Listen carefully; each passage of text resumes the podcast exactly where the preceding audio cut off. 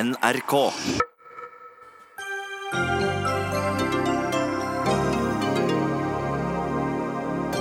Trodde du Erna Solberg og Siv Jensen har gitt oss skattelette? Det er feil. Solberg og Jensen har økt skattene og avgiftene med nær 200 milliarder kroner på tre år, mens bedriftene betaler nær 300 milliarder kroner mindre. Setter man stortingspresident Thommessen og Multiconsult til å lede et utbyggingsprosjekt, koster det skattebetalerne over 1 milliard i kostnadssprekk. Tre av ti strøk på statsborgerprøven i fjor, men får det noen konsekvenser å stryke? Nei. Og blekket i Venstres stortingsprogram hadde knapt tørket før partiet stemte mot egen overbevisning om å la oljen ligge. Og det blir homo mot homo om hvem som har lov til å være god homo i Dagsnytt 18.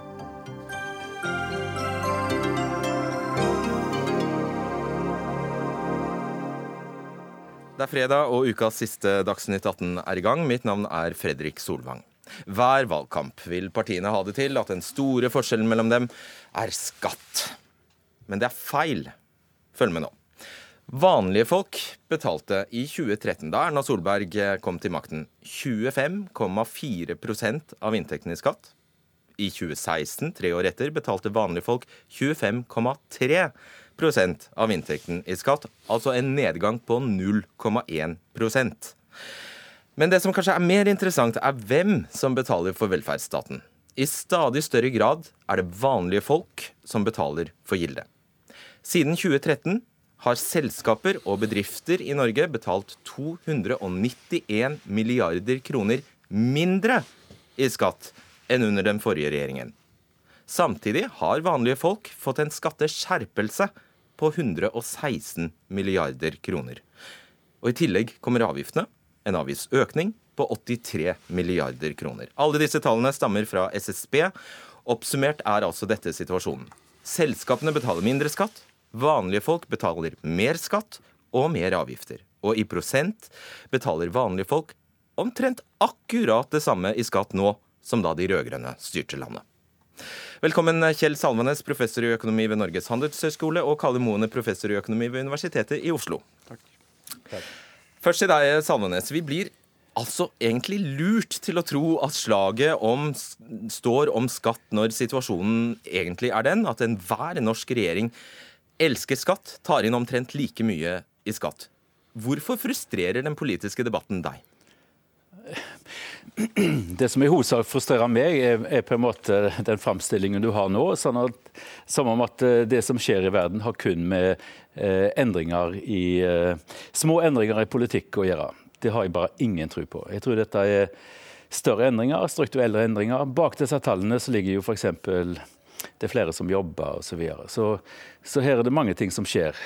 Men det som er en mer strukturell endring som skjer, er at, eh, og det som er sant, og som delvis ligger bak disse tallene, er jo at lønnsandelen, altså det som eh, andelen av, av verdiskapningen som går til de som er i arbeid, i forhold til de som eier kapital, den har endra seg i disfavør av eh, de som er i arbeid. Hva betyr det? Oversett det.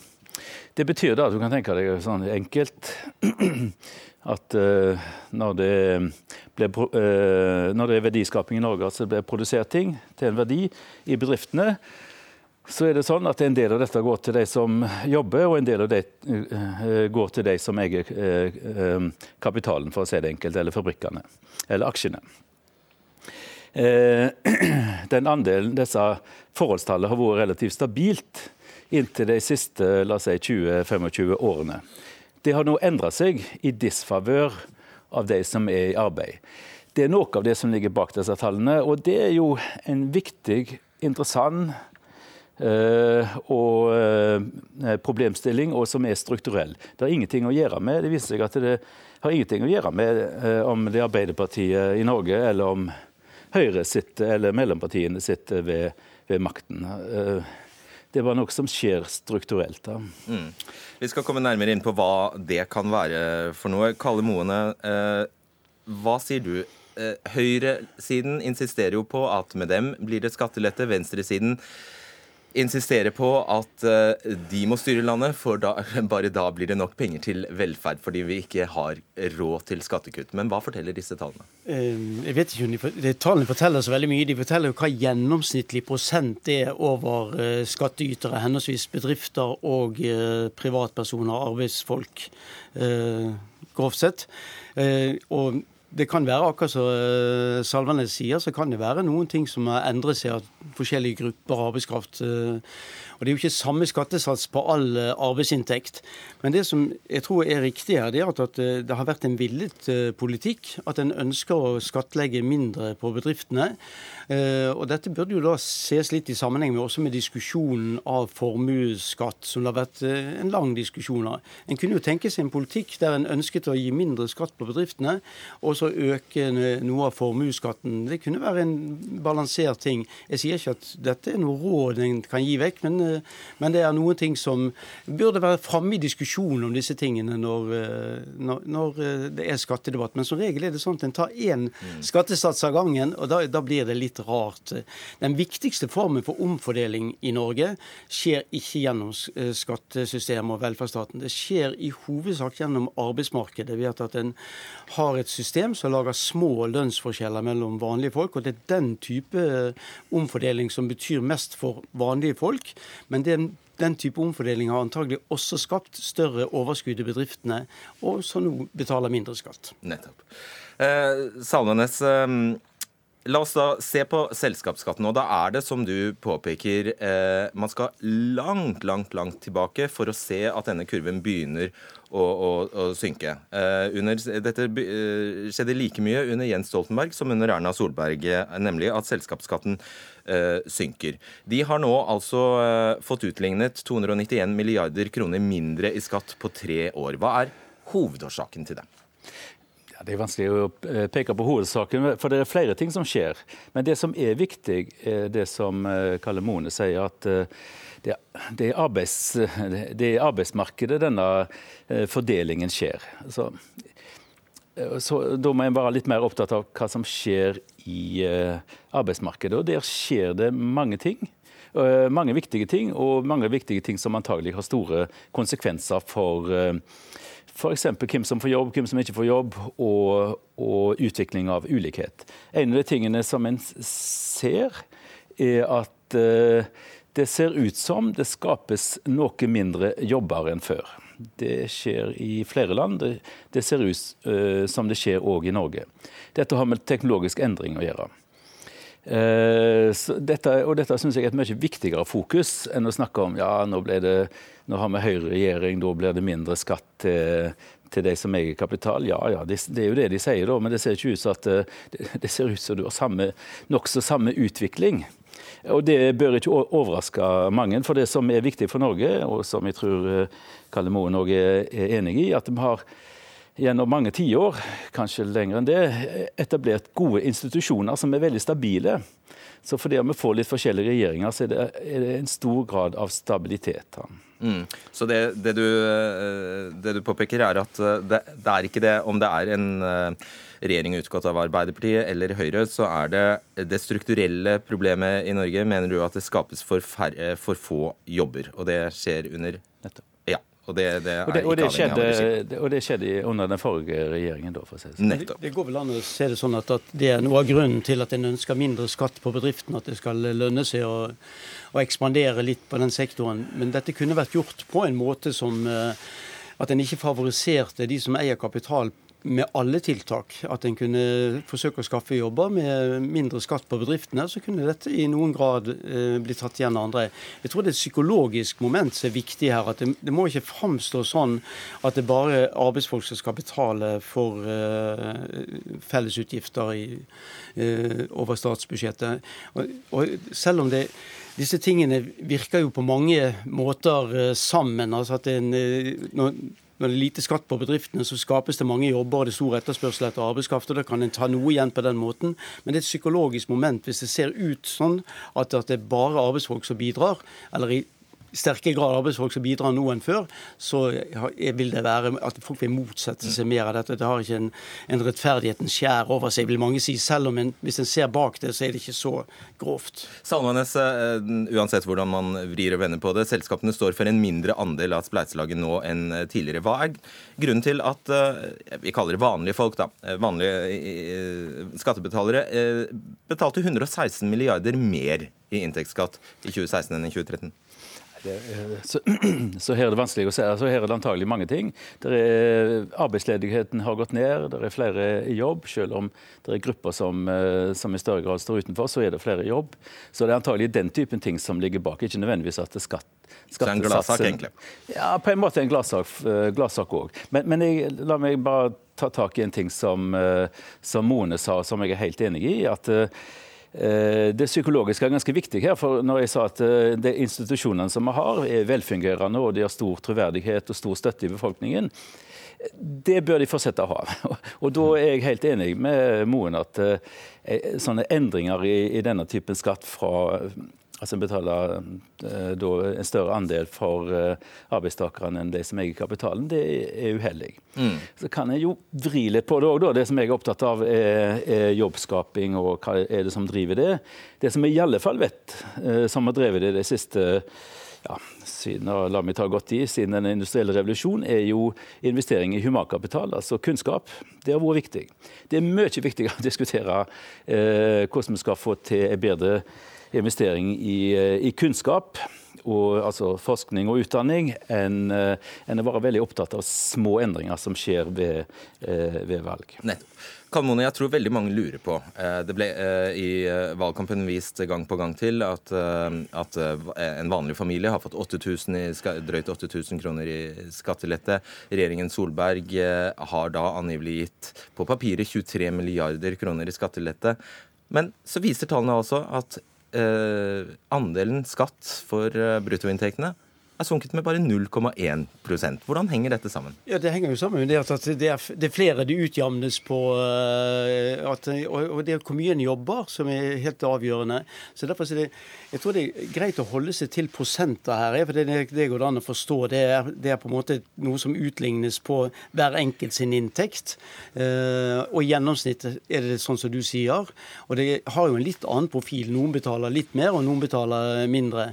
Men eh, jeg tror det er det at, at en, at en skal være glad en har fått en høy sysselsetting, og, og det er antagelig også noen som har gått økt sin eh, arbeidsinnsats fra noe deltid til mer heltid. Så eh, det er slike ting som, som endrer seg.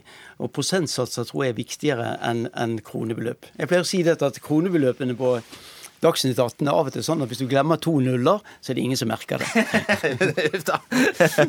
Vi lar det være et, eh, ja, okay, et ambivalent eh, punktum. Og så vil jeg bare, eh, jeg vil bare understreke at vi hadde invitert til politisk debatt om dette, Arbeiderpartiet og Høyre. Høyre hadde dessverre ikke mulighet for å stille med noen til denne saken. Jeg gjentar. Forskjellen mellom regjeringen Solberg og regjeringen Stoltenberg når det gjelder skatteprosent, er 0,1 Takk skal dere ha, Kjell Salvanes og Karl Moene. Dagsnytt 18 alle hverdager klokka 18.00 på NRK P2 og NRK2.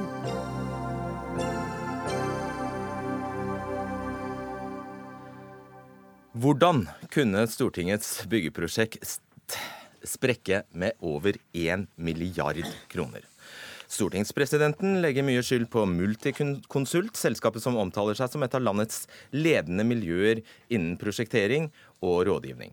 Selskapet slår tilbake mot stortingspresidenten. Christian Nørgaard Madsen, du er konsernsjef i Multiconsult. Hva er din forklaring på at prosjektet altså går fra å skulle koste 1,1 milliard til nå å ligge an til å koste 2,3 milliarder kroner? Det er jo flere delelementer i det. Eh, det ene er at eh, prosjektet har eh, blitt utvidet siden den opprinnelige planen, som var et i større grad oppussingsprosjekt. Det andre er jo at dette er et rehabiliterings- og påbyggprosjekt midt i sentrum, med all kommunikasjon gående.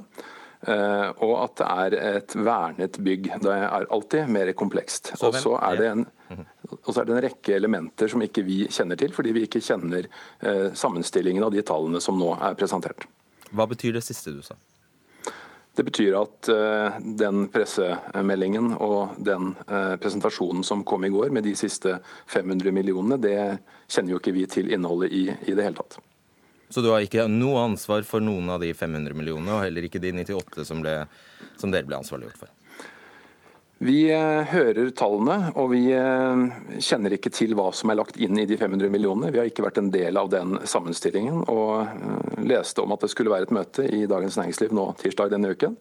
De 95 millionene som jeg registrerer forsøkes hengt på oss, det kjenner jeg heller ikke til. Ganske, da må man veldig langt tilbake i tid før et prosjekteringshonorar fra vår side kan ha kommet opp i den summen. Vi rapporterer månedlig. og fra november har det ikke vært noen endring i våre rapporter, og fra i fjor sommer har det kun vært moderate varslede økninger i vårt prosjekteringshonorar. Jøye meg. Olemic Thommessen, stortingspresident, svar på dette her først. Ja. Eh, moderate økninger, det er, eh, for å si sånn, moderat er ikke et ord vi kommer til å bruke ofte om dette prosjektet. Eh, når det gjelder de 95 millionene, så er de relatert til de beregningene og estimatene vi har, og det er jo basert på Multiconsults egne prognoser. Ut ifra det som lå til grunn for eh, det forrige eh, budsjettet på 1,8 milliarder. Det som er problemet i hele dette prosjektet, og som har vært helt fra begynnelsen av, det er jo at det anbudsgrunnlaget, altså det grunnlaget Multiconsult utarbeidet for at man skulle kunne innhente anbud, eh, det har vært så mangelfullt og sviktende kvalitetsmessig at her har det bare strømmet på eh, med ekstrakostnader knyttet til uteglemmelser, knyttet til ting som ikke lot seg gjennomføre, knyttet til eh, mangler ved eh, tegningsmaterialet. Og eh, det er gjennomgangshistorien hele veien, og det er det også ved denne korsveien. Så har jeg selvfølgelig respekt for at man ikke eh, ser sammensetningen av de siste 500 millionene, men det er en god porsjon av dette der også. Fordi de 500 millionene er det jo vi som har beregnet. I det så ligger det 300 millioner i eh, overskridelser og 200 millioner i reserve. Og dette prosjektet har vel lært oss at en uh, skikkelig reserve, ja, det er godt å ha. Og av de 300 millionene, hvor mye, hvor mye av det ansvarliggjør du Multiconsult for? Nei, det, jeg skal ikke sitte her og, og de, dele på uh, skyld og forhåndsprosedere. Ja, du har allerede gått i gang, da, så du kan bare Nei. fortsette. Altså, Vi har en sak under oppseiling, uh, så den diskusjonen tror jeg vi skal okay. komme til å ta i rettssalen ved hjelp av våre advokater. Men det er mm. i alle fall Utgangspunktet eh, er nok ikke at det er et eh, gammelt hus som skal restaureres. Det dreier seg om én en enkelt perspektiv ved dette, nemlig opprettholdelsen av fasaden. Det var jo for øvrig også den første misæren som vi fikk fra Multiconsult, der alt var feilberegnet, og vi måtte bruke fire ganger så mye stål som det de hadde lagt til grunn i utgangspunktet. La oss avklare rollene her eh, først som sist. Kristian Nørgaard Madsen, hva skulle dere gjøre? Hva, hvilken rolle skulle dere ha? Vi er et eh, rådgivnings- og prosjekteringsfirma. og Vi eh, utarbeider planer og eh, beskriver og lager 3D-modeller. Stortinget er byggherre, og de valgte selv å ta prosjekt- og prosjekteringsledelsen. Så de styrer oss, arkitektene og entreprenøren. Så du velter an, du, du, du, du spiller bare Betyr ja, for oss andre som ikke altså, som ikke i, i, i utgangspunktet ikke skjønner så mye av dette her, betyr det at du legger det formelle og øverste ansvaret tilbake på Stortinget og Stortingets eh, presidentskap og administrasjon? Det er det ingen tvil om. Eh, og Det er jo helt eh, det er en til en med Riksrevisjonens rapport i fjor, hvor alt ansvar for ledelsen av prosjektet ble lagt på Stortingets administrasjon. Og Når det gjelder disse tallene som kommer frem her, så kan jeg jo nevne at vårt samlede prosjekteringshonorar siden vi startet for eh, fem år siden, eh, er jo nå godt under 10% av det nye tallet som Stortinget selv har regnet frem, da, på 2,3 milliarder. Det er, fortsett å bruke uttrykket, moderat i forhold til hva som er normalt i rehabiliteringsprosjekter. Og 10% av 2,3 milliarder skulle tilsi over 200 millioner kroner, stemmer det? Ja, vi er under det, PT. Eh, vi har forpliktet oss overfor dere på 229 millioner, og vår prognose er på 257 millioner. Ja, ok, men da, da, vet jeg det. og Det er jo fordi det vi melder inn månedlig til Stortinget, er jo eh, hva som er forbrukt og hva som er estimert gjenstående. Og Så kommer jo Thommessen inn på de påstandene hvor jeg både nå og tidligere hører at han allerede har eh, gjennomført dommen på den saken som eh, er mottatt som en stevning i desember 2017. Den arbeider vi med å lage tilsvar på. Vi er jo ikke enig i de påstandene. Den skal vi sende svar på nå rett etter påske. Eh, og der er eh, det helt korrekt, som Stortinget eh, skrev i sin pressemelding i går, at det er samlede påstander om feilprosjektering, eh, noe vi skal ha gjort som har ført til endringer, og eh, for mye brukte timer, oppad begrenset til 125 millioner kroner. Det er totalen man snakker om nå. Og så vet jeg jo at Det står også at de vurderer å øke dette, men nå må vi huske på at de har oppdatert seg helt frem til desember 2017 og det er ikke veldig lenge siden. Okay. Jeg, håper jo, jeg, håper jo, selvfølgelig at vi klarer å gjøre dette billigere, og hvis det er det Multiconsult signaliserer, så er jeg selvfølgelig glad for det. Men, eh, men, jeg må jo oppriktig talt si at eh, jeg føler jo behov for å prøve å forklare liksom, hvorfor vi reagerer i forhold til det norske folk. Altså Her er det ca. 3000 endringsmeldinger som vi har måttet håndtere. Det dreier seg altså om Man har glemt at det skal være armering i innevegger i betong. Strømføringer er lagt frem til kontordør, men det er altså ikke noe ledning frem til kontakten. Eh, det er store mangler ved dekker. Det er altså bom på 50% på spunting, altså på eh, søyler man må, eller rør man skyter ned for å, å grave ut uh, i undergrunn. Altså, det er en uendelig rekke av ting som for oss som er vanlig praktiske folk, er helt ubegripelig at har vært uh, uteglemt. Uh, og som, som, jeg bare, hva skal jeg si, gjør det selv-boka på Maxbo tror jeg ville vært et godt tips eh, før man hadde gjennomgått dette her. Du får svare på det, du får svare på det Madsen.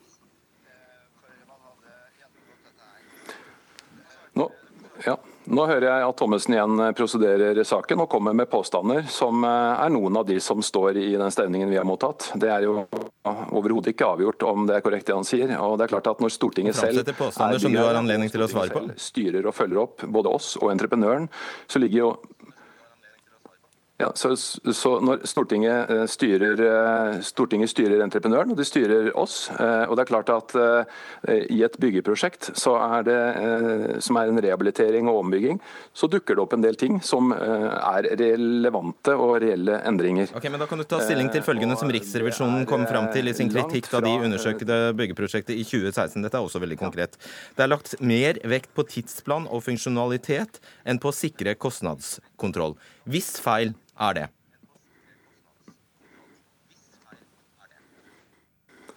Du spør meg? Ja.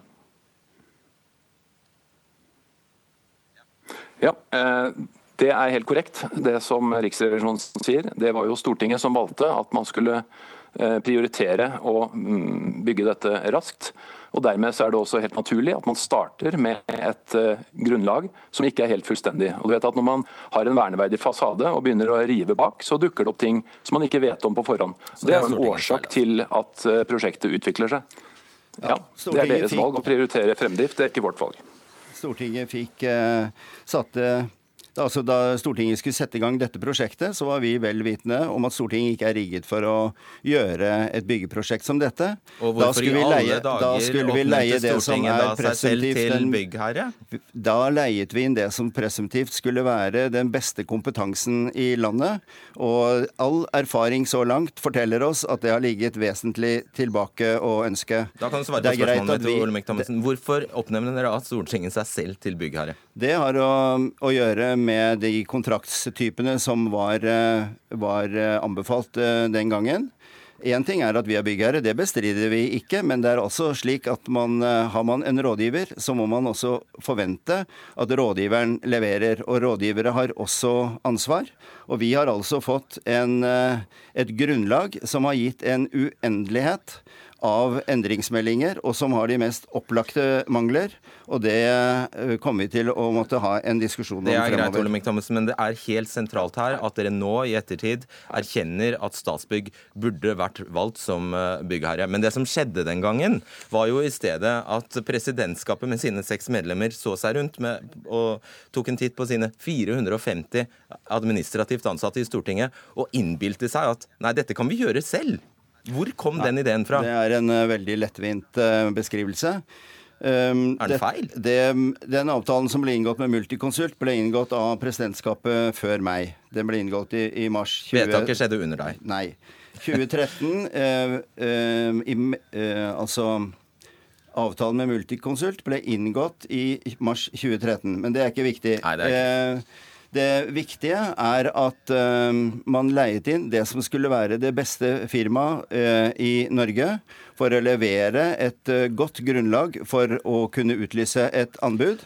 Det ble gjort. eh, så i ettertid så kan man sikkert Eller så har jo pre vårt presidentskap også, det som sitter nå, mener jo også at det vil være riktig i fremtiden å bruke Statsbygg. Det anbefaler også en, en eh, arbeidsgruppe vi har hatt, som følger opp Stortingets vedtak. fra Eh. Kristian, Kristian eh, Madsen, nå har altså stortingsdirektør Ida Børresen trukket seg. Eh, Det er jo en klar symbolverdi i det, i det minste. Eh, Hvem må gå hos dere? Jeg vil veldig gjerne kommentere det Thommessen sier, for der er vi ved hele kjernen. Eh, Da de eh, sendte en melding som gikk ut i VG rett før eh, proposisjonen høsten 2016, da disse 700 millionene kom i økning fra 1,1 til 1,8, så beskrev de nemlig oss som Stortingets totalansvarlige for prosjektering og bygging og rådgivning og jeg vet ikke hva. Og det er, tror det er her hele uh, misforståelsen og problemet ligger. Hvis man har trodd at vi har vært den som skulle styre og følge opp, så har de jo tatt feil i flere år. Dette har vi forsøkt å fortelle dem. De har engasjert oss som prosjekterende. Det er de selv som gjør sine valg, det er de selv som velger entreprenør. Og når vi har da prosjektert for under 200 millioner til nå, så er det over 2 milliarder igjen eh, som går til å bygge dette, og det er det da Stortinget som må følge opp. Her ligger jo den store miseren. Hvem må og gå hos dere? Statsbygg vil jo bare gjøre Ingen må gå hos oss. Vi har masse dyktige mennesker som jobber med dette eh, og har jobbet med dette. Ok. Eh, Thommessen, hvordan, kan en, altså, hvordan er det mulig å ikke oppdage at her er det et ansvarsvakuum? Ingen tar ansvar. Hvordan kan det pågå i så mange år? Nei, det er ikke snakk om at ingen har tatt ansvar. Vi har, eh, Stortinget har tatt ansvar. Men, Men det er eh, enda verre hvis noen det, har tatt ansvar og sett på at disse Nei, men man har ikke sett kostnadsoverskridenes omfang. Fordi at det grunnlaget som ligger her, viser seg altså å være ekstremt mangelfullt. Og skjelettene faller ut av skapene etter hvert som man bygger nedenifra opp. Det siste nå er jo heller ikke siste, men f.eks. så er jo bjelkelagene oppover i det kontorbygget vi har vært, det er jo eh, feildimensjonert. Vi, eh, det er snakk om å sette inn eh, elektroskap i rom som viser seg ikke å være store nok, fordi de ikke har vært koordinert på en god nok måte. Altså Det er uendeligheter av slike tilfeller. Som jo gjør at kostnadene bare renner på og renner på. Det handler om de tre grunnleggende tingene som vi må forvente av et godt eh, prosjekteringsselskap, nemlig god styring, god kvalitetssikring og tverrfaglig koordinering. Og du- det syns vi det ligger godt tilbake å ønske på. Madsen, har du møtt Olemic Thommessen fysisk før nå? Eh, eh, Har du møtt han noen gang? Ja. Nei, det har jeg ikke. Jeg har hatt en rekke møter med Ida Børresen. Og eh, Thommessens utsagn nå, det er jo igjen en påstand. og Manglende koordinering der. Altså, Det er ikke vi som bygger disse skapene, det er ikke vi som koordinerer det. Byggingen gjør noen andre. Eh, Koordineringen er det jo eh, Stortinget selv som har ansvaret for å gjøre. Vi prosjekterer det. Hvorfor er det Ida Børresen og ikke du som må gå? Bakgrunnen for at Ida Børresen eh, fant det riktig å trekke seg, handler ikke om penger og om eh, budsjettoverskridelser, men det handler om informasjonsflyten og det grunnlaget presidentskapet har fått til å håndtere denne saken på. Ja, men uh, Olemic Thommessen, uh, du ble så vidt på hengende håret gjenvalgt som stortingspresident. Så, og det var altså før disse 98 millionene, denne regningen på 98 millioner plutselig deiser ned i fanget på dere? Ja. Ja. Nei, altså, jeg har eh, opptrer jo på vegne av presidentskapet. Presidentskapet er et eh, kollegium. Vi eh, treffer beslutninger om hvordan vi håndterer denne saken felles. Og jeg kan ikke se at vi har hatt mange andre måter å gjøre dette på, ut fra de informasjonene vi har hatt. Takk skal dere ha, Olemic Thommessen og Christian Nørgaard Madsen.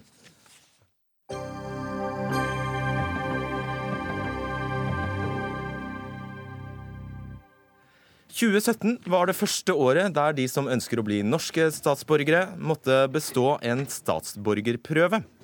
6016 personer tok prøven i fjor, og 1800 av dem strøk på den. Altså tre av ti. Men da er det bare å prøve igjen. Og igjen. Og igjen. Jan Tore Sanner, kunnskaps- og integreringsminister eh, fra Høyre. Hva er konsekvensen egentlig av å stryke på denne statsborgerprøven? Jeg tror vel at de aller fleste som skal opp til en prøve, enten det er førerprøven, om det er en prøve på universitetet, videregående eller statsborgerskapsprøven, så vil man selvsagt prøve å stå. Eh, og det er da flere som står på denne prøven enn som står på førerprøven. Eh, så eh, det er, betyr at stryker du på statsborgerskapsprøven, så har du anledning til å prøve igjen. Så konsekvensen sånn, er at du kan prøve igjen? Ja, og sånn er det også hvis du stryker til førerprøven. Og det er noe av det flotte i Norge, mener jeg. Det er at du får en ny sjanse. Det er ikke slik at uh, hvis, du, hvis, du, stryker, så, så har du liksom fått et merke i pannen. Uh, du har mulighet til å gå opp igjen, og det syns jeg er fint. Mm. Jon Hustad, uh, journalist i Dag og Tid. Hva mener du konsekvensene burde vært? Du bør få prøve to ganger. Hvis du ikke greier det, så får du ikke statsborgerskap slike prøver må ha innebygde incitament. Og hvis du vet at hvis du ikke greier prøver, så får du ikke statsborgerskap, så er du selvsagt mer motivert for å lære, og blir en bedre integrert samfunnsborger ved å kunne mer om Norge. Det er nådeløst. da. Hva skal du gjøre med de som stryker? Kaste dem på dør? Det er jo ikke så nådeløst. Et av de store problemene i Norge er jo at vi deler ut veldig mange statsborgerskap, men at dette statsborgerskapet i og for seg ikke har så stor verdi, fordi vi gir velferdsgodene uansett. Mm. Statsborgerskapet i Norge det henger høyt. Eh, du må ha en eh, botid på, på, syv år. Eh, og du må da opp til, til, denne prøven. Jeg har vært med på et par utdeling- eller statsborgerskapsseremonier.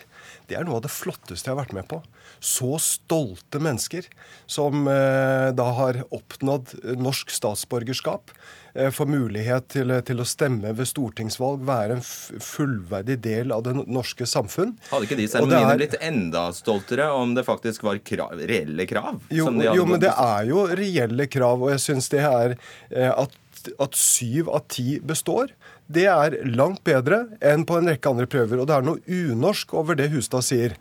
Eh, når, når du skal få Unorske er statsborgere. Jo, men det er, noe, det er allikevel noe unorsk når du sier at to ganger, og så er du liksom ferdig. Jeg syns det er flott i Norge at du får en ny sjanse. Og jeg har ikke møtt én som har gått opp til en slik prøve, som ikke ønsker å stå første gang. Og jeg sitter med den prøven her. Eh, og vi kan godt lese noen spørsmål. Det er ikke alle ja, som er Ja, det kan, jeg godt, det kan jeg godt gjøre. Ehm, det ene spørsmålet er her. Hvor mye betaler foreldre i Norge for vaksineprogrammet for barn? Er det 100 kroner, 200 kroner eller ingenting? Kan du svare på det, Hustad? Det er absolutt ingenting som de fleste andre velferdstjenester i Norge. Kari og Jens er skilt. De har to barn på fem og sju år. Hvilke rettigheter får barna, de, eh, barna deres? Barna har rett til å bo sammen med, med, hverandre. Barna har rett til å ha kontakt med begge foreldre. Barna har rett til å velge hvem av foreldrene de vil bo hos. Hva svarer Hustad? Eh, de har rett til kontakt med begge. De har rett til å bo sammen. Ja, du har rett kontakt med ja, ikke sant? Men, få to jo, jo, men, ja, ja, jo, jo, jo, du har rett til sammen, selvsagt også. Det, det, jeg illustrerer bare for å si at denne prøven er ikke bare grei skuring heller. Eh, og det at syv og ti består, det syns jeg er flott. Men så kan jeg også eh, trøste Hustad med at vi skal jo nå reformere hele introduksjonsprogrammet. Jeg kommer til å stille tøffere krav eh, i integreringspolitikken. Man skal lære seg norsk. Ja, men La oss holde oss til prøven. Jo, jo, men Det er en viktig, viktig del av dette. fordi at De som går opp til prøven, de har enten av, gått opp og lært norsk og samfunnsfag, eller vært igjennom introduksjonsprogrammet, som er da basisen for å gå opp til statsborgerskapsprøven. Så du mener faktisk prøven er altfor lett? Ja, det som Det aller viktigste er, er språk, og så har du og kunnskap som ja, matematikk, for å si det litt enkelt. Og ved å gi ei prøve som også er ei tung kunnskapsprøve, så motiverer du innvandrerne til å lære de ferdigheten du trenger for å lykkes i et norsk arbeidsliv. Fordi de som kommer fra tredje verden, det er under halvparten til enhver tid som er i arbeid. Og dette er den store, store utfordringa som vi ikke har greid å gjøre noe med i nå 40 år. Ok, Vi skal introdusere Gina Lund også. Du er direktør i Kompetanse Norge. Og det er dere som faktisk har laget denne statsborgerprøven på oppdrag fra Justis- og beredskapsdepartementet. Hva er din eh, teori? Hva er årsaken til at såpass mange, da, selv om det er tross alt tre av eh, ti som stryker, hvorfor er det såpass mange som stryker? Ja, Først det så vil jeg gjerne få lov å si at det Hustad sier her er jo ikke riktig. Det er etter SSB sine tall nå 60% av innvandrerne i Norge som er i arbeid. Når det gjelder, når det gjelder av innvandrerbefolkningen Når det Ja, ja, gjelder er det prøvene arbeidsinnvandrere inkludert, eller? Ja, men det Ja, er det, det også på denne prøven i statsborgerskap. Det vi vet her, at denne prøven går alle opp til som ikke er borgere her, enten de er arbeidsinnvandrere eller flyktninger. Det betyr at hvis du ønsker borgerskap i Norge, så må du ta denne prøven for å få borgerskap. Og nå det, kan du svare på, ja, og det, det- den prøven da tester, det er samfunnskunnskapsferdighetene dine, eller kunnskapene dine om det norske samfunn. Og de skal du teste på et enkelt norsk. Det er det Stortinget har bestemt, og som vi forholder oss til. Hvorfor så mange stryker, det vet vi ennå ikke så veldig mye om. Men dette er det første året denne prøven er kjørt. Og det er seks, og litt over 6000 kandidater som er prøvd, og de kommer fra veldig mange forskjellige land. Nå skal vi samle inn statistikk fra de landene de kommer, og så skal vi se om vi kan finne systematiske forskjeller her. Men dette vil være behandling av personvernsdata. Eh, og vi, vi tar noe tid før vi vet noe om det. Men vi vet at mange av dem som har tatt denne prøven, kanskje ikke har vært, hatt opplæring. Fordi hvis du er en EØS-borger så, og ønsker å bli borger i Norge, hvis du kommer fra Polen, har jobbet her en stund, ønsker å bli borger i Norge, kanskje har du møtt en norsk dame, så kan det være du tar denne prøven. Da har du ikke nødvendigvis hatt eh, Du har vært her i samfunnskunnskapsopplæring. sju år, da. Det har du. Så, og, men spørsmålet her er jo hvor godt du kan norsk. Du skal kunne norsk på A2-nivå, som er et hverdagslig Altså, hvis du ikke kan et ord norsk, så melder du deg vel ikke opp til en statsborgerskapsprøve på norsk etter Nei, sju år? Nei, men du må kunne mer enn et ord norsk for Ja, å forstå norsk på dette spørsmålet. Du hørte spørsmålene fra Sanner, og det, for å svare på den type spørsmål, forstå innholdet i ganske komplekse samfunnsforhold, så må du kan, kunne mer enn et ord norsk. Uh, uh, Husa, I Danmark eh, må, du ha, må man ha forsørget seg i eh, minst fire og et halvt år av de fem siste årene. Og man må ha bodd i landet eh, en eh, bodd i landet den tiden for å, for å i det hele tatt eh, kunne søke om statsborgerskap, pluss ha bestått en, eh, en prøve. Er det, er det en sånn modell du ønsker? Ja, svært gjerne. Det som er clouet her, er jo at eh, i motsetning til det som blir antyda her, så er det nesten ingen arbeidsinnvandrere fra EØS-området som søker eller tar norsk statsborgerskap. Fordi de får rettighetene til velferdsstaten via EØS-ordninga. De som derimot søker å ta denne prøven, er i hovedsak fra tredje verden. Over 90% i 2015 var fra tredje verden. Og disse trenger en veldig sterk motivasjon for å få norsk statsborgerskap. Og hvis vi knytter det også opp mot evne til forsørging, ja, så skal jeg love at integreringa går bedre. For disse ønsker norsk statsborgerskap for å ha rettssikkerhet og for å ikke kunne bli utvist, blant annet. Ok, sånn. Vi går nå gjennom statsborgerskapsloven, eh, og vi vurderer hvilke krav som skal eh, stilles.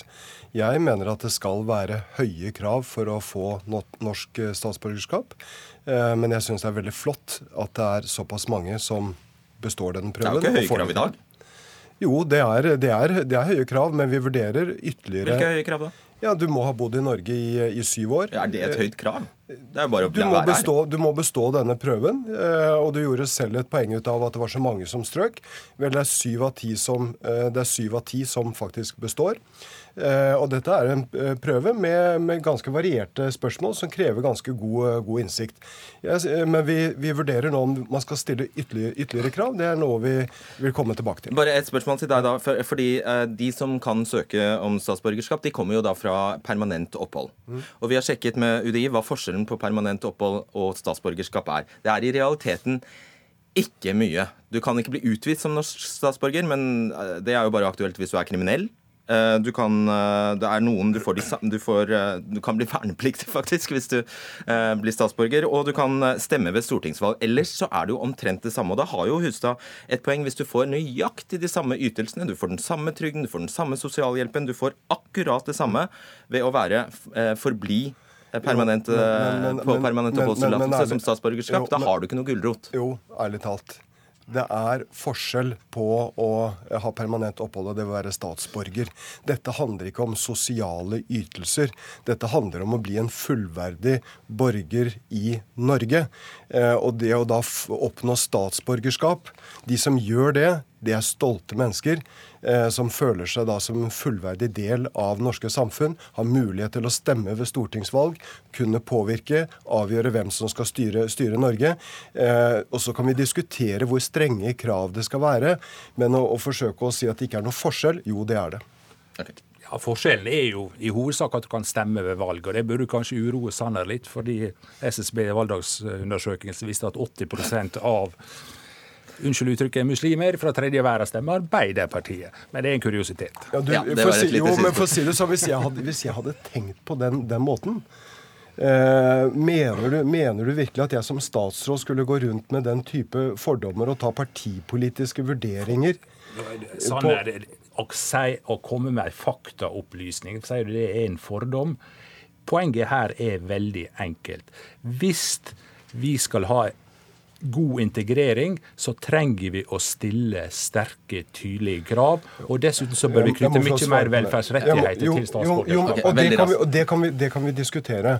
Men påstanden din eh, det var at fordi det er mange med muslimsk bakgrunn som stemmer Arbeiderpartiet, så skulle ikke jeg ønske at, eh, at, at uh, disse endringene som vi nå ser på Vi skal diskutere norsk krav, vi skal diskutere tydeligere krav til, eh, til de som kommer okay. hit og skal bo her.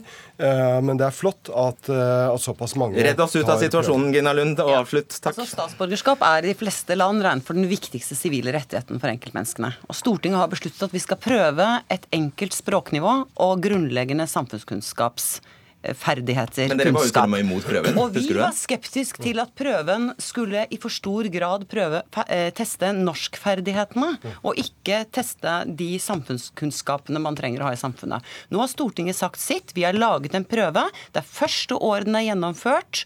Det er flere avisartikler nå landet rundt som skriver om statsløse som nå tar prøven på for, for andre gang okay. til neste år. Og hvor det viktige for mange mennesker er å få lov til å bli fullt integrert og bli bli borger av dette riket. Og lære seg norsk, og det er viktig. Takk for ordskiftet, dere. Jan Tore Sanner, Jon Hustad og Gina Lund. Hør Dagsnytt 18 når du vil. Radio NRK Radio.nrk.no. I går ble det klart. Venstre går imot sitt eget partiprogram og støtter regjeringen i å gå videre med tildelingen av den 24. konsesjonsrunden, som gir tillatelser til oljeleting.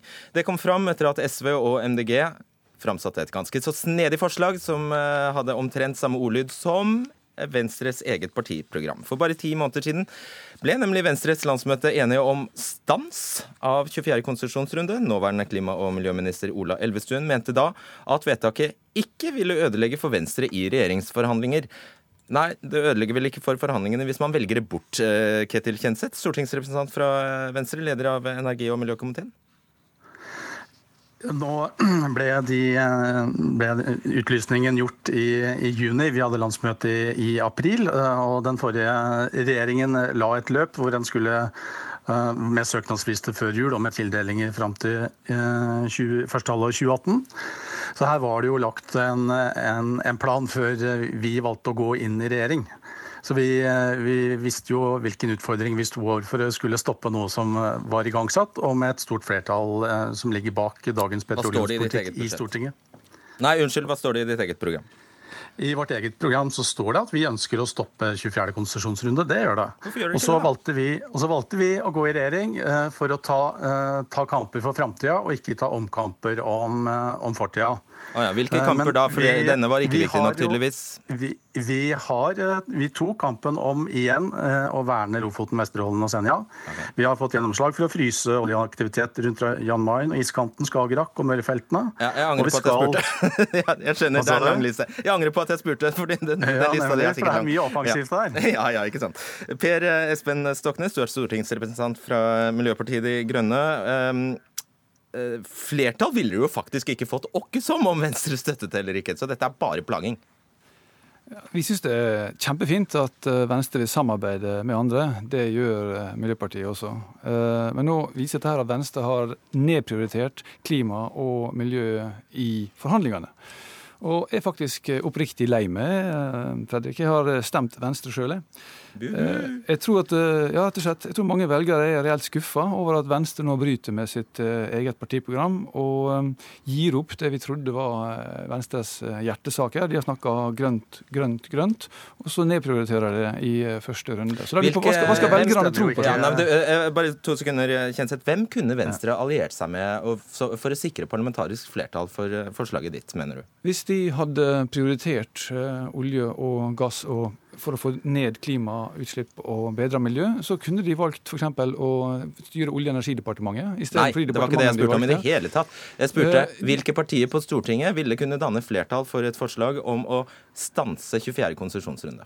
Det er ganske mange partier på Stortinget som kunne tenke seg å stemme mot regjeringa, og kanskje til og med få stoppa uh, regjeringa i forhold til Rams dem opp, er du snill.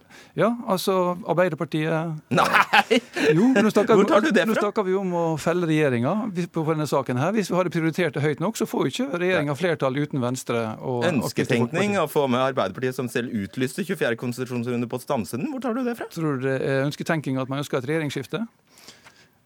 Ja, ja. OK. Elvestuen sa i kampen. ja, det, det, det, her blir jo en, framstår jo De Grønne som en edelgran. For det var jo nettopp den rød-grønne regjeringen som, ut, som, la til rette, utlyste den 23., eh, legger til rette for, la til rette også for den 24., så her gjennomføres jo i tråd med stortingsmeldingen fra 2011 og 2012, da de rød-grønne satt ved roret.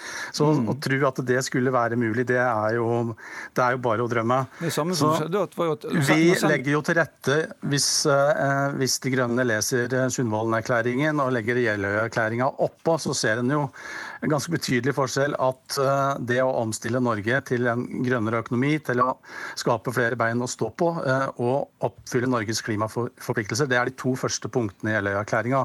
Så vi har ja, jo virkelig greit. tatt kampen for at vi skal ta det grønne skiftet og ta på oss forpliktelsene. Stoknes.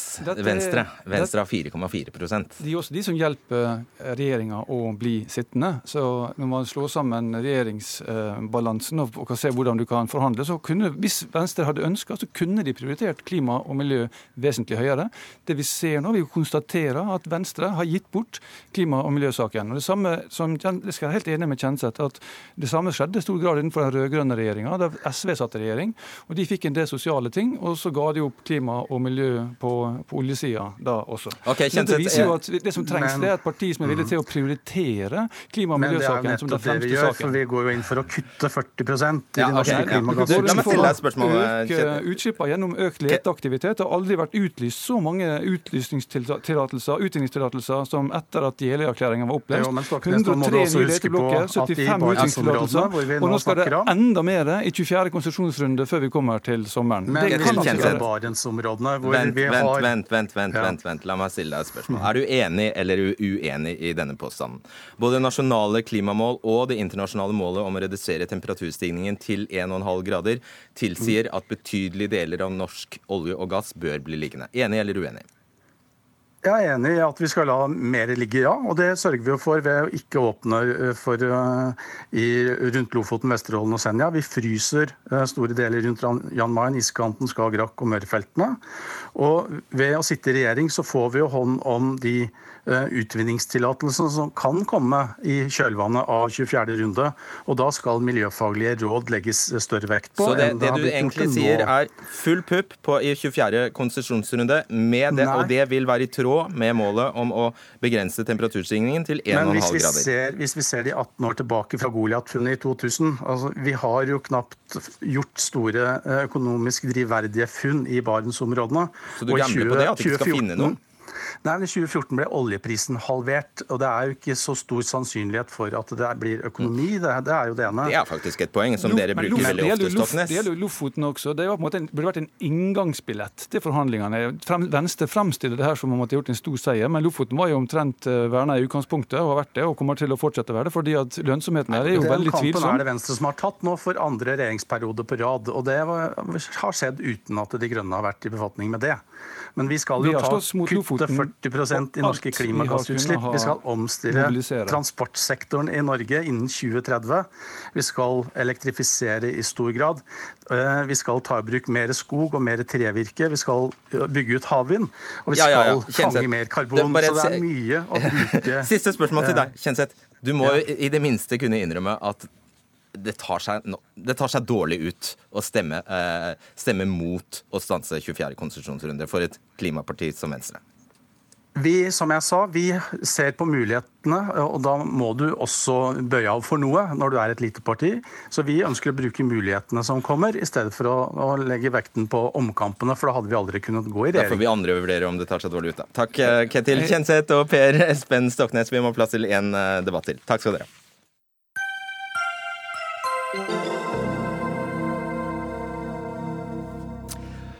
For eh, det skal dreie seg om en angivelig homoelite som er så intolerant og hatefull mot dem som beveger seg utenfor eh, en stadig smalere meningskorridor. Ja, Den påstanden kommer fra jurist og rådgiver i Civita, Torstein Ulsrød, i et innlegg i Aftenposten denne uka. Ulsrød, du skriver at skeive elitepersoner ser på seg selv som rause og modige, men at eh, de, minner, eh, de mest minner eh, om folk som er uinteressert i å bli korrigert eller utfordret. Hva mener du med det? Uh, ja, det er jo en litt, litt spissformulert uh, innlegg, dette her. Jeg har forsøkt å sette ord på en, uh, på en følelse av noe jeg oppfatter som paradokser ved både det man kan kalle homobevegelsen og prosjektet og, og selvforståelsen. Denne prisen til Siv Jensen som det ble mye bråk om som årets faghag, den mener jeg er jeg mener det er reaksjonene der da, som er interessante, ikke, ikke prisen i seg selv. Hva var det for en pris igjen? Det, var en, en, det er mulig, Jeg hørte ikke at jeg trodde du sa det innledningsvis, skjønner du, for vi var på vei inn. Men, men Siv Jensen fikk en pris som Eh, årets faggag, som kan eh, enkelt oversettes med homovenninne eller noe sånt. Ja. Og det har skapt eh, Og det kan man godt kritisere, som jeg sa. Det, det er helt legitimt. Men jeg syns det er interessant at de reaksjonene som har kommet på den prisen, er så uforsonlige som de har vært. da. Prisen var en hån, mente, mente journalist i VG Morten Hegseth. Øyan mente at Siv Jensen er At det ikke bare var galt at hun fikk en pris, men at hun var en venninne fra helvete. Og eh, Samtidig fikk jo Oslo-biskopen, eh, Kari Weiteberg, en, eh, en, en, lignende pris. Og den ble bare godt mottatt. Og eh, jeg, Det har blitt, blitt eh, forklart av Øyan bl.a. med at Frp ikke har beklaget eh, at de har vært imot ekteskapslov f.eks., mens Kirken har beklaget sin homohistorie. Men jeg mm. tror, jeg tror ikke Øyan hadde jublet for en pris til Siv Jensen selv om de, Frp hadde beklaget et eller annet. Jeg tror dette handler om noe mer. Nå har du nevnt han tre ganger uten at vi har fått ja. forklart hvem du snakker om. Det er altså Jon Reidar Øyan som sitter ved siden av deg, og du er leder av Arbeiderpartiets eh, homonettverk. Og jeg tror vi skal legge til for ordens skyld her at uh, både du, Ulsrud, og for så vidt jeg, og du er homofile. Så har vi det på dere. Homomafiaen, sikkert. Ja, ja, det, det, det er homomafiaen. Øyan, hvor, eh, hva svarer Altså, det er vel neppe helt eh, tilfeldig det Ulsrød eh, peker på. Det, det, er mange som har sett eh, den, eh, den ja, kontrasten der i mottagelsen. Mm. Altså, jeg reagerte jo på at Siv Jensen fikk den prisen eh, av flere grunner. Hun har aktivt jobba imot alt som har med felles ekteskapslov, adopsjon og assistert befruktning i mange år. Eh, tvang sine stortingsrepresentanter til å kollektivt stemme imot lovforslaget. Og nå snudde Frp? Eh, 2013 eller 2014. Ja, fem år siden. Ja, men det er også noen ting med at uh, det som eh, er greia, at hvis det hadde vært mitt bryllup, da, fordi Siv Jensen var jo på vei inn i et bryllup til kompisen sin Terje Skrøder, uh, og utafor det bryllupet så sto TV 2 og intervjua henne utafor kirka, hvor hun var på vei inn og si at uh, hun vil oppheve dette ekteskapet så fort hun får mulighet til det, fordi hun er imot felles ekteskapslov. Og det var da jeg sa at hvis det hadde vært min venninne, så ville jeg kalt det venninna fra helvete, eller rettere sagt, det ville ikke vært vært venninna mi lenger. Jeg tror også du feilsiterer Siv Jensen der, forresten.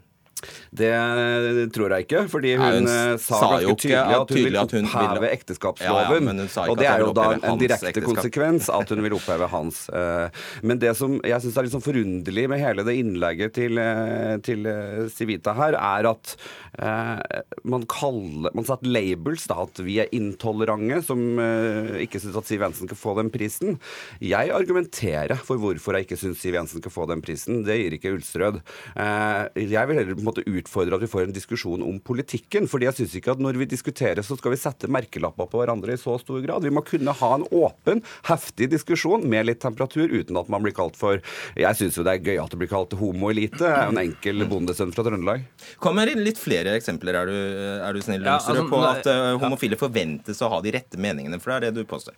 Ja, men jeg syns som sagt ikke at det er altså Den debatten om hvorvidt Siv Jensen fortjente denne prisen eller ikke, den har dere jo tatt, har dere, tatt her, og den Ja, har dere tatt mange steder. Så jeg syns på en måte ikke det er så interessant å ta den om igjen, og det er ikke det som er mitt hovedanliggende. Ja, derfor spør jeg flere eksempler. Eh, Ja, et, et annet eksempel. Altså, det, det, jeg synes som sagt det, det er denne uforsonligheten da, ved, ved kritikken som jeg syns er interessant. Og det, og mener jeg er, kan ses som uttrykk for eh, for noe mer enn en sånn partipolitisk greie. ikke sant? Eh, og, og, og motstand mot Frp eventuelt. og Det var derfor jeg skrev at homosaken har blitt eh, noe som minner om et venstreradikalt prosjekt. Ja, men Gi et eksempel, så vi skjønner et, hva det går Et eksempel som Øyan eksempel har nevnt i, i debatten om denne prisen, er, eh, er et krav som nå Arbeiderpartiet har fremmet, om at eh, eh, om at straffeloven må få bestemmelser om at eh, mennesker med, med annen kjønnsidentitet og kjønnsuttrykk må omfattes av bestemmelser om hatkriminalitet. Eh, og, og det blir argumentert for dette på en sånn måte som om det er her, liksom, her er frontlinjen i kampen nå. Enten er man for, eller så er man mot. Og hvis man er mot dette, så er man Og at eh, alle det- homoer må være for det forslaget? Da er man på en måte det sånn? mindre homovennlig. Okay. Og det mener jeg er et eksempel på en type sak som er mer kompleks, og hvor man bør ha enn liksom de tradisjonelle likeverdskampene. Da. Og da bør det være mer større respekt for ulike synspunkter og mer nyansert debatt rundt det. Jeg har respekt for ulike synspunkter. Jeg vil ikke ha noen meningskorridorer, som du så fint kaller det. Jeg vil at vi skal få disse tingene fram i lyset. Når Nina Karin Monsen uttaler seg for Fritt Ords hederspris, så tar jeg verbalt til motmæle og sier hvorfor jeg syns det er en ekstremt dårlig idé. Men homokampen har alltid vært litt sånn at man har vært litt kompromissløs, fordi det har ikke vært enkelt å drive homokamp opp gjennom årene. Og da er det sånn at arbeidet mot systematisk kvinneundertrykking, arbeidet mot apartheid, arbeidet for LHBT-rettigheter har på en måte vært veldig eh, i, i klinsj da, mot storsamfunnet, fordi at storsamfunnet har tillatt seg å bruke veldig eh, nedverdigende kommentarer om våre liv. Jeg mener at dette er grunnleggende menneskerettigheter. Du nevner straffeloven og kjønnsidentitet og kjønnsuttrykk. Sjansen for at jeg som en skalla mann med skjegg blir slått ned på gata eh, fordi at noen tror at jeg er homo, er ganske liten. Men en mann som går i kvinnelig kjønnsuttrykk med kvinneklær, er ganske mye mer utsatt for å bli slått ned på gata. Da mener jeg at de trenger et ekstra vern. Så kan du være uenig i om det er den store homokampen eller ikke, men jeg er kompromissløs og mener at det er en del av å gå inn i framtida. Men høyresida har jo alltid blitt dratt etter håret inn i okay, likestillingskampen. Jo, eh, altså jeg, jeg, er kanskje, jeg syns kanskje ikke vi skal bruke tid på å ta den konkrete debatten her, men, men jeg Ja, syns debatten om debatten istedenfor. Ja, jeg, jeg vil egentlig det, faktisk. faktisk. Fordi at eh, det, det, det, er- forståelig, som du sier, at man har hatt en litt sånn eh, at man har hatt en litt sånn kampmentalitet historisk her. For det har vært en hard kamp, og det har, stått om, om, om veldig viktige ting. Og det har vært en, et sånt liberalt frigjøringsprosjekt og kamp for å, få lov, lov å være Nei, det er ikke så lenge siden. Det har vært en kamp for å få lov å være annerledes og for, å, for likeverd, rett og slett. Men bør, man bør kunne se at når den kampen i stor grad, da, i hvert fall formelt, på det formelle planet, er vunnet, så bør man kanskje senke skuldrene litt og se at eh, mange av de sakene man diskuterer i dag, kan handle om legitime ting, eh, reelle problemer, men det er på en måte en annen type saker. Da. For å ta et eksempel. Da må du være rask. Ja, altså det å være, Hvis man er mo, eller hvis man syns det er greit at homofile diskrimineres i arbeidslivet, så er det et standpunkt som ikke fortjener særlig respekt. Hvis man er skeptisk til nye måter å få barn på, for eksempel, som kan komme homofile til gode, som surrogati, eller eggdonasjon, så er det en annen type spørsmål, og man bør ha mer, Mer respekt for kompliserte mangfold der. spørsmål, Ja. mener du. Men her viser det jo nok en gang at, at venstresida faktisk har vært de som har gått foran da, og tatt kampene, og så har høyresida kommet etter. Og når vi diskuterer da hvor vi vil videre, for vi har ikke full likestilling i Norge så lenge at homo er det mest benytta skjellsordet i norske skolegårder, så Ja, lenge at folk, så lenge at at folk sånn. blir mobba eh, i arbeidslivet, blir fryst ut på arbeidsplassen. Vi har forskning som viser de tingene her. Eh, I fjor så vedtok Bermuda en felles ekteskapslov. Det var under et år etterpå så valgte de å reversere den loven. Så enkelte rettigheter har ikke kommet for alltid. Derfor så må vi holde fanen høyt, og vi er nødt til å på en måte kjempe for at det ikke skal bli tatt ifra oss også. Ok, Du får svare veldig kort eh, på dette her, Ulsterud. Hvor tar du det fra at eh, denne homoliten, hva nå det enn er, er venstrevridd? For det påstår du.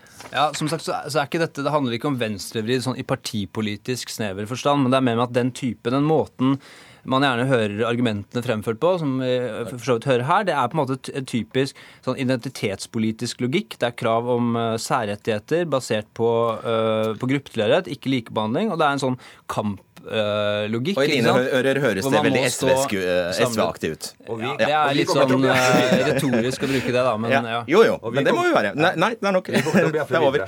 Ida Tynne Ørresland, Lisbeth Seldreite og Fredrik Solvang setter rett og slett eh, strek og ønsker god helg.